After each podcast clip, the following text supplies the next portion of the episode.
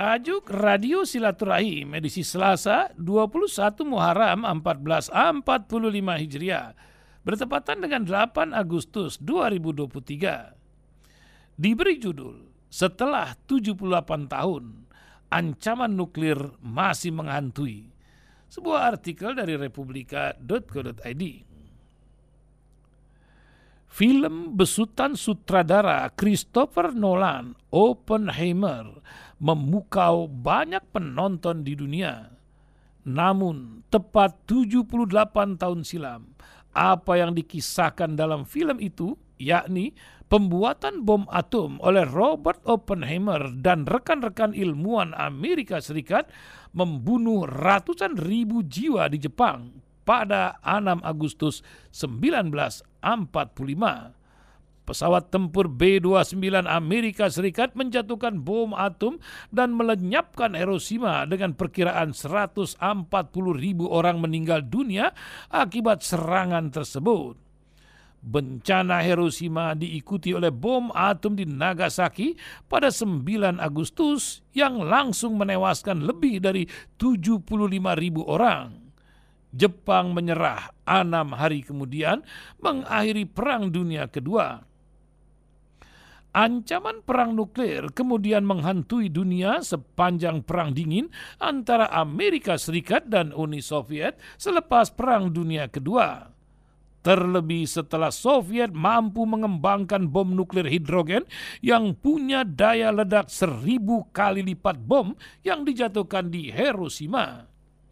Sekretaris Jenderal PBB Antonio Guterres mengakui setelah berakhirnya Perang Dingin, kini bayang-bayang penggunaan perang nuklir telah muncul kembali mengancam seluruh dunia.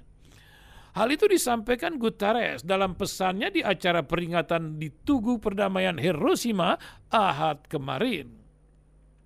Bayang-bayang ancaman nuklir yang ia maksud di mana setelah beberapa negara mengancam akan menggunakan senjata nuklir, Guterres juga mendesak untuk menolak senjata nuklir secara total.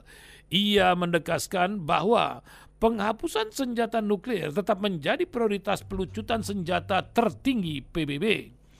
Satu-satunya cara untuk menghilangkan risiko nuklir adalah dengan menghapuskan senjata nuklir.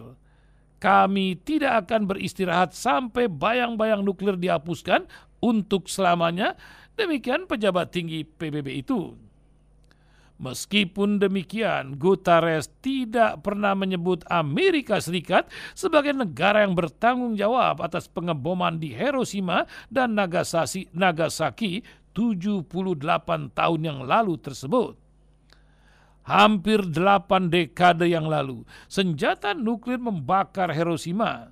Namun, seperti yang diketahui oleh setiap siapa pun yang pernah mengunjunginya, Kenangan itu tidak pernah pudar, demikian ujarnya. Ia mengatakan PBB dengan bangga berdiri bersama warga Hiroshima dan para Habikusha, yakni korban selamat dari pemboman tersebut. Di mana peringatan ini untuk terus menghidupkan ingatan tentang apa yang terjadi di sini, termasuk pelajaran apa yang harus diambil untuk menjamin hari esok yang lebih damai. Guterres mengutarakan hal tersebut tanpa satu kata pun menyebut perbuatan nuklir Amerika Serikat di Hiroshima dan Nagasaki. Dalam catatan sejarah, Angkatan Bersenjata Amerika Serikat melakukan pengeboman atom pertama dalam sejarah yang menghantam kota Hiroshima dan Nagasaki di Jepang pada akhir Perang Dunia Kedua. Pengeboman itu dengan dalih sebagai cara untuk mempercepat penyerahan diri Kaisar Jepang.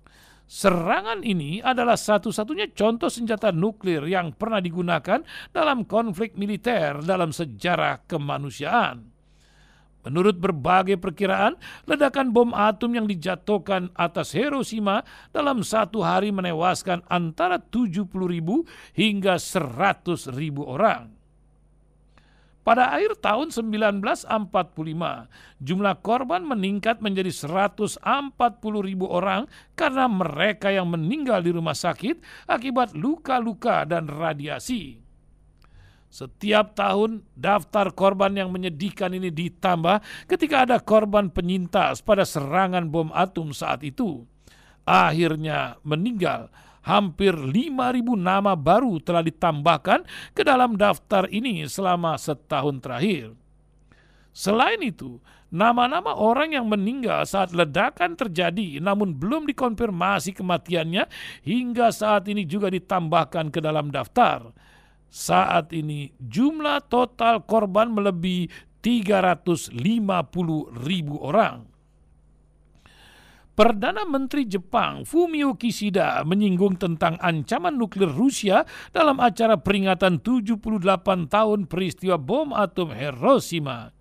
Dia menekankan tragedi semacam itu tidak boleh terulang kembali.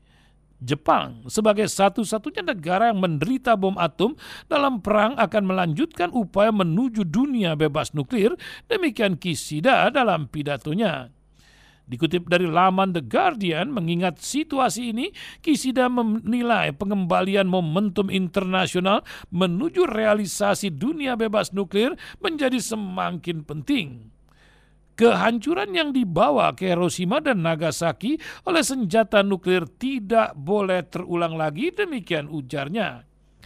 Acara peringatan 78 tahun bom atom Hiroshima yang digelar Jepang dihadiri ribuan orang termasuk penyintas dan keluarga korban dalam tragedi tersebut. Perwakilan asing dari 111 negara turut berpartisipasi dalam upacara itu. Rusia dan Belarusia tidak diundang selama dua tahun berturut-turut di acara peringatan tersebut karena konflik Ukraina. Dalam upacara peringatan, para peserta mayoritas mengenakan pakaian hitam, melakukan doa dalam hati pada pukul 8.15 menit, yakni momen ketika bom atom dijatuhkan pada 6 Agustus 1945. Wallahu a'lam bissawab.